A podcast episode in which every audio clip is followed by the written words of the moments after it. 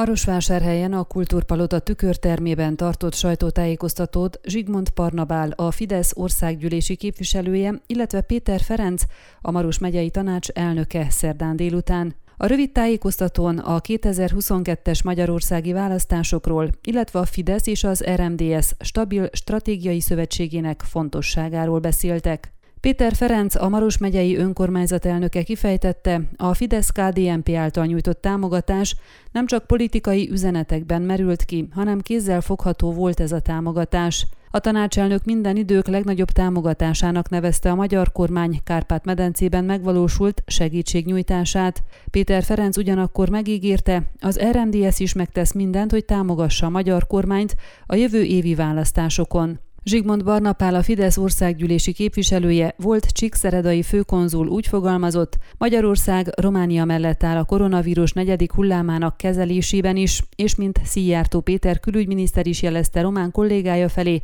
Magyarország kész segíteni ebben a rendkívüli helyzetben, mondta el a politikus. Arra biztatott mindenkit, hogy éljenek az oltás lehetőségével, hiszen azt lehet látni, hogy azokban az országokban, ahol magasabb az átoltottság, kevésbé súlyos a járvány, a képviselő utalta arra is, hogy amikor elindult Budapestről, Romániának még volt kormánya, ma már nincs. Az RMDS stabil partnerünk, és abban vagyunk érdekeltek, hogy Romániának minél hamarabb stabil kormánya legyen, és az RMDS-nek stabil pozíciói legyenek.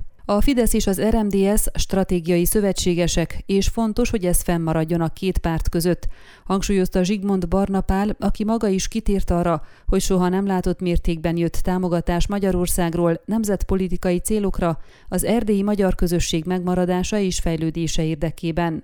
Hozzátette, Marosvásárhelyre is számtalan oktatási, vallási, egészségügyi és sport célú támogatások érkeztek, amelyek nem csak a magyarok érdekeit, hanem az itt élő románok érdekeit is szolgálják, mint részletezte, a 2022-ben esedékes magyarországi választásokon részt vehet bármely magyar állampolgár, azok is, akik Erdélyben élnek és nem rendelkeznek Magyarországon lakhelyjel. Ezek a külhoni állampolgárok levélben tudnak szavazni, de ahhoz szükséges a regisztráció, vagyis kérjék a felvételüket a választói névjegyzékbe. Ha a lakcímük megváltozott a legutóbbi regisztráció óta, akkor fontos, hogy megadják az új címet, hogy a posta megtalálja őket. Zsigmond Barnapál a sajtó kérdésére adott válaszként megfogalmazta, a magyar kormány azért tartotta fontosnak a székelyföldi támogatásokat, mert a Fidesz egy nemzetben gondolkodó párt, és bárhol is élnek magyarok, érezzék Magyarország támogatását, hiszen az állam értelme az, hogy a magyar nemzet megmaradjon és fejlődjön. Ön a Székelyhon aktuális podcastjét hallgatta. Amennyiben nem akar lemaradni a régió életéről a jövőben sem,